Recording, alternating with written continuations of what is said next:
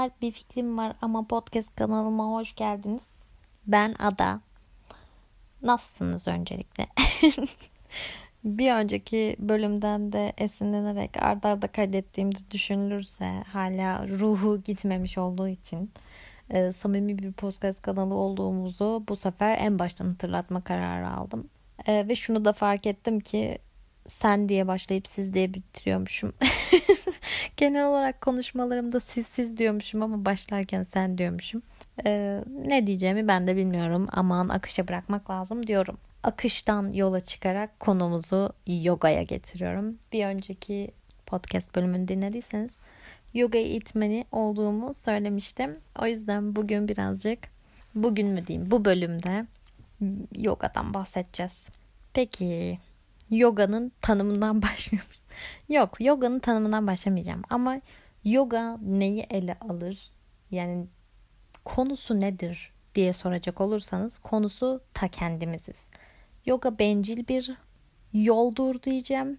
Çünkü tam olarak bir spor değil. Çünkü ilk başlarken e, yani yoganın tarihine ilk gittiğimizde yoga bir sadece düşünce e, olarak çıkmış. Yani temel ilke ve inkılaplar gibi düşünebilirsiniz. Yani doğru olmak, dürüst olmak gibi başlamış. Ama sonradan ha buna hareket mi katılsak ya mı demişler artık ne demişler. Bu şekilde ilerlemiş. Sonra asanalar çıkmış ortaya. Asanalarla bayağı spora dönüşmüş. Zaten şu an popüler olmasının bir sebebi de çok fazla spor yani olarak görülmesi ve havalı pozları tabii ki de baş üstünde amuda kalktığınızı düşünsenize of ya Rabbi ya da şıpadak açıp o oh ye yeah, böyle havalı havalı pozlar işte yok ayağını oradan kaldırmış da yok kafasına değdirmiş de vesaire. Bu arada ben bu hareketlerin hiçbirini yapamıyorum. Ee, yani hareketleri yapmanıza gerek yok eğitmen olabilmek için. Ben o kadar güçlü de değilim henüz. Güçlenmem lazım ayrı bir mesele. Ama hani benim hiç uzaktan yakından alakam yok. Haftada bir de yapmıyorum. İşte ayda bir işte denk gelirsem yapıyorum diyorsanız ve e, ya ben bunu e, eğitmeni olmak istiyorum. Geliştirmek de istiyorum kendimi. En azından evde kendi kendime yaparken doğrusunu yapmak istiyorum diyorsanız bence eğitmenlik şeyini alabilirsiniz eğitimini. Neyse konumuza dönecek olursak yoga dediğimiz şey hem kendimizle kendimizi fiziksel olarak geliştirmek hem de ruhsal olarak geliştirmekle alakalı bir şey.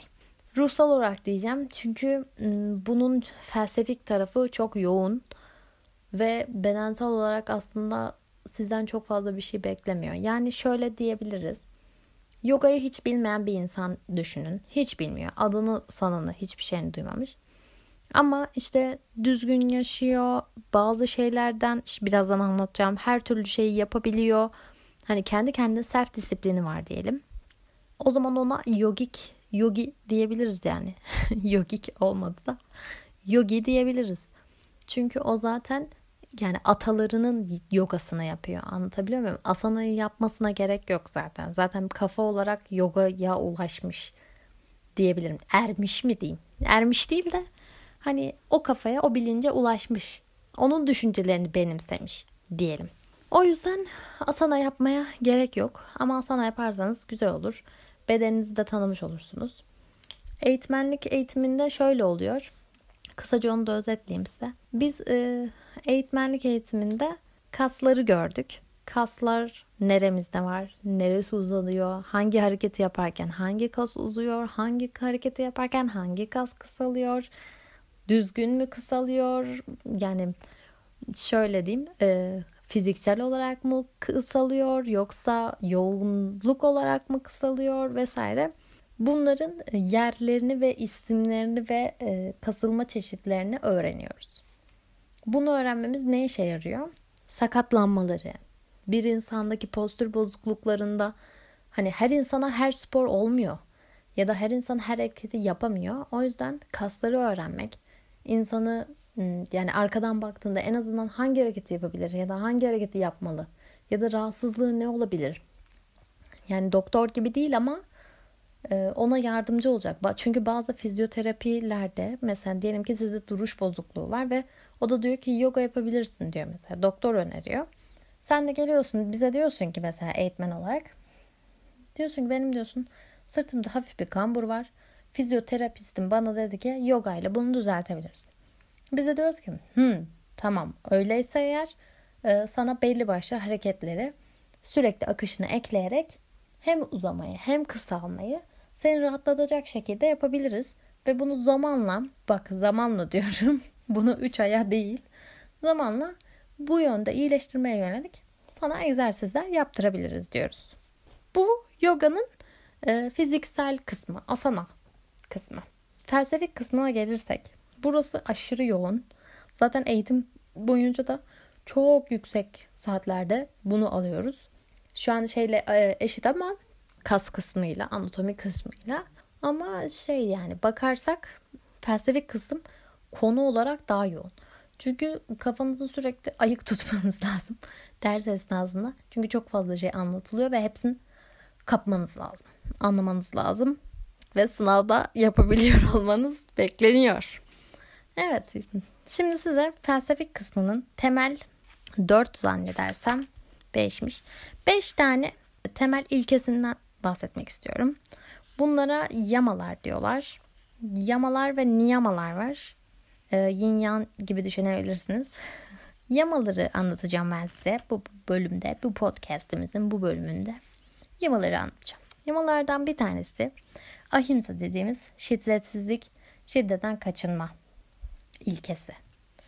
Şiddet neye şiddet peki diyecekseniz fiziksel, zihinsel ve su ruhsal olarak ele alıyor şiddeti. Şimdi fiziksel şiddet zaten bayağı vurma, kırma. Bundan uzak durmanız bekliyor yoga sizden. Hayatınızda, yaşamınızda fiziksel şiddetten maruz bırakmayacaksınız. Yani bedeninizi fiziksel şiddete maruz bırakmayacaksınız. Bu aç bırakmak olabilir. Yani direkt vurmak, kırmaktan bahsetmiyorum. Aç bırakmak olabilir. Sürekli hani erken kalk, kalmaya, kalkmaya zorlamak olabilir ya da geç kalkmaya zorlamak olabilir. Bu bile bir şiddet. Bedeninize uyguladığınız her türlü şiddet fiziksel şiddete giriyor. Yoga bunu yapmamanızı söylüyor. Mesela diyelim ki bir hafta sonu sabahındayız ve siz bir önceki gün yorgunmuşsunuz ve erken yatmışsınız diyelim. Ertesi gün kalktınız saat 8. Gözleriniz açıldı. Ama siz diyorsunuz ki yok hayır hafta sonu bu uyumam lazım diyorsanız aha, yandınız. Fiziksel şiddet bu. Çünkü bedeniniz zaten dolmuş, şarj olmuş zaten. Sen niye bir daha üstüne uyuyorsun? Sonra hop gün çöp. Uyuyorsun uyuyorsun sonra kalkıyorsun sonra mahmur mahmur geziyorsun falan. Hoş değil. Ya da diyelim ki zayıflamak istiyorsunuz ve yemek yemeyeceksiniz diyelim. Kendinize böyle bir şiddet uyguluyorsunuz. Açlıktan geberiyorsunuz ama yemek yemeyeceksiniz. Hayır yiyemem diyorsunuz böyle. Bu şiddet. Ya da diyelim ki canınız hiç istemiyor yemek yemek ama siz diyorsunuz ki hmm, şimdi yemezsem ama ne zaman yiyeceğim başka? Yiyeyim yiyeyim ben bunu nerede bulacağım diyorsunuz. Yiyorsunuz yiyorsunuz yiyorsunuz. Ha, bu da fiziksel şiddet. Çünkü ihtiyacı olmayan bir şeyi içine soktunuz. Bu böyle gider. Kendinizi vurmak dövmeye girmiyorum. Zaten o şiddet yani o bariz şiddet onu da yapmayacaksınız of course. Zihinsel şiddete gelirsek diyelim ki kendinize sürekli geçmişi hatırlatıp kendinizi endişeye, kaygıya ittiriyorsunuz. Ya da diyelim ki geleceğe çok odaklanmışsınız. Bu sefer gelecekteki ay böyle oldu, ay şöyle oldu, ay falan filan. Ay kesin şöyle olacak, ay falan deyip kendinizi böyle endişeye itiyorsunuz. Stres oluyorsunuz. Bu zihinsel şiddet. Çünkü kafanızı gereksiz yere, gereksiz şeylerle yordunuz. Kaliteli düşünce yaratmadınız. Bunların hepsi niteliksiz düşünceler. Varsayım yaptığınız her an niteliksiz düşünceler. Diyorsunuz ki mesela hmm, bana onu dedi. Hmm, kesin bundan dedi. Aha fiziksel şey zihinsel şiddet. Dedikodu yapıyorsunuz mesela.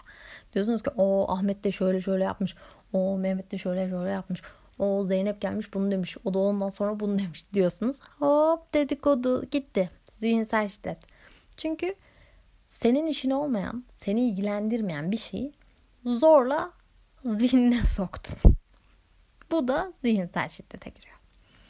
Ruhsal şiddete gelirsek de kendinizi depresyona soktuğunuz, depresyon seviyesinde ya da böyle ruhunuza hiç iyi gelmeyen şeyleri kendinize direttiğiniz durumlarda kendinizi bunalttığınız ve bunu bir artık hastalık niteliğine taşıdığınız her dakika ruhsal bir şiddet uygulamış oluyorsunuz kendinize.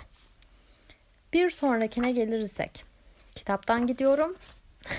Kaçırmamak için biraz da kopya çıkıyorum. Yapacak bir şey yok. Bir sonraki şeyimizde e, yamamızda satya, dürüstlük, yalan söylememek. Bu başkasına yalan söylememek de olabilir. Kendinize yalan söylememek de olabilir. Çünkü genellikle biz başkasına yalan söylediğimizde bunu fark edebiliyoruz. Ama kendimize yalan söylediğimizde bunu fark edemiyoruz. Çünkü neden fark edemiyoruz? Kendimizi kandırmaya alışmışız. Diyoruz ki ya bana bir şey olmaz diyoruz ama içerisi paramparça. Yapacak bir şey yok. Bir önceki bölümde de söylemiştim. Dışarıdan çok özgüvenli olarak görülürüm. Ama bazen aramızda tabii böyle e, küçük yıkılmalar da oluyor. Toparlamaya çalışıyoruz ama dışarıdan asla göstermiyoruz. Çünkü neden dışarısı bizi kötü algılar. Ne gerek var? Kırılganlık. Göster kardeş. Birçok kişisel keşif kitabında da söylendiği gibi eğer kırılgan bir yönünüz varsa bunu göstermekten çekinmeyin. Asıl cesaret gerektiren şey budur. Neyse bu bir kenarda dursun. Dürüstlüğe geri dönersek kendimizi kandırmaya çalışmıyoruz. Kendimizle iyi anlaşıyoruz. Eğer birini kıskandıysak kendimize kıskandığımızı itiraf edebiliyoruz. Ya da diyorsunuz mesela şöyle demeniz lazım. Ben bunu kıskandım ama o zaman neyini kıskandım? Hangi duyguyu kıskandım? Duyguyu mu kıskandım? Durumu mu kıskandım? Yoksa onun yerinde mi olmak istedim? Yoksa o durumun içinde ben mi olmak istedim? Bilmiyorum saçma sapan bir şeyler söyledim de neyse. Yani demek istediğim e, altındaki nedeni arayıp kök nedene inip sonra bunun üzerine biraz düşünmeniz gerekiyor diyor yogacığımızın felsefesi bu yönde. Bu arada dürüstlük abartmamaktan da geçiyor. Çünkü kendimizi abarttığımız her dakika böyle egomuz tavan yapıyor. Sonra da iş çığırından çıkıyor. Kendimizi kontrol edemez bir hale geliyoruz. O yüzden bunu da yapmamak lazım. Dozunu da bırakmak lazım. O yönden de abartmayıp o kadar dürüst olmak lazım kendimize. Zaten dışarıya da yalan falan söylememek lazım. Ayrıca dürüstlükte şöyle de bir şey var. Her doğru her dakika söylenmez. Eğer seni ilgilendirmiyorsa doğru bildiğin dürüstlük babında hani söylemeyeceksin. Mesela ne bileyim şöyle bir örnek vermişti hocamız hemen onu aktarayım. Mesela diyelim ki eniştenizde kusura bakmayın boğazım biraz gıcıklandı. Enişteniz diyelim bir kadınla sarmaş dolaş gördünüz. Bayağı yakınlar öpüşüyorlar falan. Ve siz hani geçtiler önünüzden. Hani sizi görmediler. Bunu gidip ablanıza söyler misiniz söylemez misiniz? Söylemeyeceğiniz. Çünkü diyeceksiniz ki bu benim konum değil. Bu beni ilgilendirmez diyeceksiniz. Çünkü aralarında ne olduğunu bilmiyorsunuz. Ne geçmişleri var bilmiyorsunuz. Olay ne mertebede bilmiyorsunuz. Hepsini siz kendi açınızdan görmüş oluyorsunuz. O yüzden gidip kimseye laf taşımak, dedikodu yapmak, e, işte böyle böyle olmuş. Ben dürüstüm abi ben bunu söylemem lazım. Aa falan demiyoruz. Çünkü bu bizim konumuz değil. Bana ne deyip geçeceksiniz. Sessizliğinizi koruyacaksınız. Kimseye de bak enişteniz de dahil olmak üzere konuşmayacaksınız. Karışmıyoruz böyle konulara yani. Evet diğer bir mevzuya gelirsek o da hırsızlıktan çekinme, çalmamak. Bu çalmamak neyi çalmamak diyecekseniz emek çalmamak, bilgi çalmamak, olumsuz istek ve davranışlardan arınmak bunlar bizim aslında uzak durmamız gereken şeyler. Mesela diyelim ki gittiniz birinden bir bilgi aldınız. Mesela demeyeyim okuldasınız ve biri size bir bilgi söyledi sınava hazırlanırken. Ve siz bunu gittiniz. Millete kendi bilginizmiş gibi sanki siz keşfetmişçesine anlatıyorsunuz. Çat. Bunun adı hırsızlık. Onu geçtim. Biri mesela diyelim ki size çok yardım ediyor. Çok yardımcı bir insan. Ve siz bunu suistimal ettiniz ve sürekli adamdan ya da kadından neyse sürekli bir şey istiyorsunuz ve o da sizin için yapıyor. Emeğini çaldınız. Bu da hırsızlık. Ya da diyelim ki bir kitap ödünç aldınız arkadaşınızdan Ondan sonra da unuttunuz. E, arkadaşınız da istemedi. Sonrası çöktünüz buna. Ama hani sizin çok da önemli değil ama hani o istese verirdim ya falan diyorsunuz ama hani çok da üstüne durmamışsınız. Bu da hırsızlık. Üzgünüm. Benim öyle bir kitabım var. Arkadaşımdan yıllar önce almıştım okul zamanında. Sonra onu vermeyi unuttum. O da istemedi. Ben de neyse dursun dedim. Sonra buna çökmüş oldum. Buna bir hırsızlık evet bir hırsız olduğum buradan da çıktı. bir şey de zaman hırsızlığı var. Mesela şu an ben size kendimi dinletiyorum. Eğer sizin bunu bundan zevk almıyorsanız ben sizin zamanınızı mı çalmış oluyorum acaba? Oluyorum galiba. Üzgünüm. Ama bir şeyler öğrettiğimi düşünüyorum. O yüzden bu zaman hırsızlığına girmiyor bence. Alışveriş yapıyoruz şu an diye düşünüyorum ve bunu geçiyoruz. evet bir diğer şeye yamaya gelirsek o da bazılarımızı üzecek olan tensel zevkleri denetim altına almak, ölçülülük. Şimdi cinsel yaşamımızı özenli ve dikkatli şekilde kullanmamızı öneriyor yoga. Çünkü o aksiyon sonrasında, seks sonrasında yani e, enerji düşüklüğü yaşanıyor ve yaşam enerji kaybı yaşıyoruz. Bu şeylere inanmıyorsanız Allah aşkına şu an kapatın podcast'i boş verin yani. yaşam enerjimizi kaybettiğimiz için e, tensel zevklerimizi denetim altına alıp ölçülü bir şekilde kullanmamızı öneriyor yoga. Bunu çabuk geçiyorum. Sinirlerimiz bozulmasın. bir sonraki şey biriktirmemek, aç gözlü olmak, almamak. Bunlar e, şeylerle alakalı. Mesela diyelim ki bir takıntınız var ve sürekli ne bileyim anı toplama gibi işte aman bu bunun anısı var bu kalsın aman bunun anısı var bu kalsın çöpçü gibi evet doldurmuşsunuz mesela burada biriktirdiniz demek oluyor. Ya da diyelim ki dolabınızda 700 tane kazağınız var ve sizin sadece giydiğiniz 5 tane kazak. Burada da biriktirmiş oluyorsunuz. Bu durumda hem bağlılıklarınızı mesela bağlılıklarınız tamamen bağımlılıklarınız sigara falan bunların hepsi böyle bazı duyguları bastırmak için e, yani duyguları bırakmamak için onları da biriktirdiğimiz için onları bastırmak için kullanıyoruz. O yüzden kötü duygu biriktirmemek e, çocukluk anılarımızı mesela bunları sürekli kendimize hatırlayıp bunları böyle biriktirmememiz lazım. O yüzden bırakmak sağ ol abicim geçti gitti geçmişte kaldı aman demek lazım. Bunları da biriktirmemek lazım. Bağlılıklarımızdan kurtulmamız için bu birazcık zorunlu bir şey. O yüzden bir de sürekli istememek lazım. Buyum olsun, şuyum olsun, onum olsun, bunum olsun, o da olsun, bu da olsun demeyeceğiz. Azla yetinme yoganın felsefelerinden biri. Sadelik esaslı yaşamamızı söylüyor. Bu arada yoga yapmak için şunu da söyleyeyim.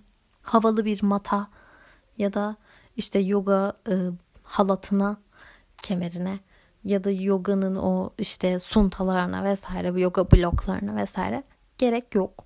Bunlarsız da yapabilirsiniz. Yoga dediğiniz zaten asanasız bir şey diye düşünün. Tamamen kendi hareketlerinizle, fiziksel normal hareketlerinizle de yoga yapabilirsiniz. Öyle havalı pozlara da girmenize gerek yok deyip bu podcast'ı burada kapatıyorum. Beni dinlediğiniz için teşekkür ederim. Başka sohbetlerde, başka samimi sohbetlerde Görüşmek üzere. Kendinize iyi bakın. Keyifle kalın.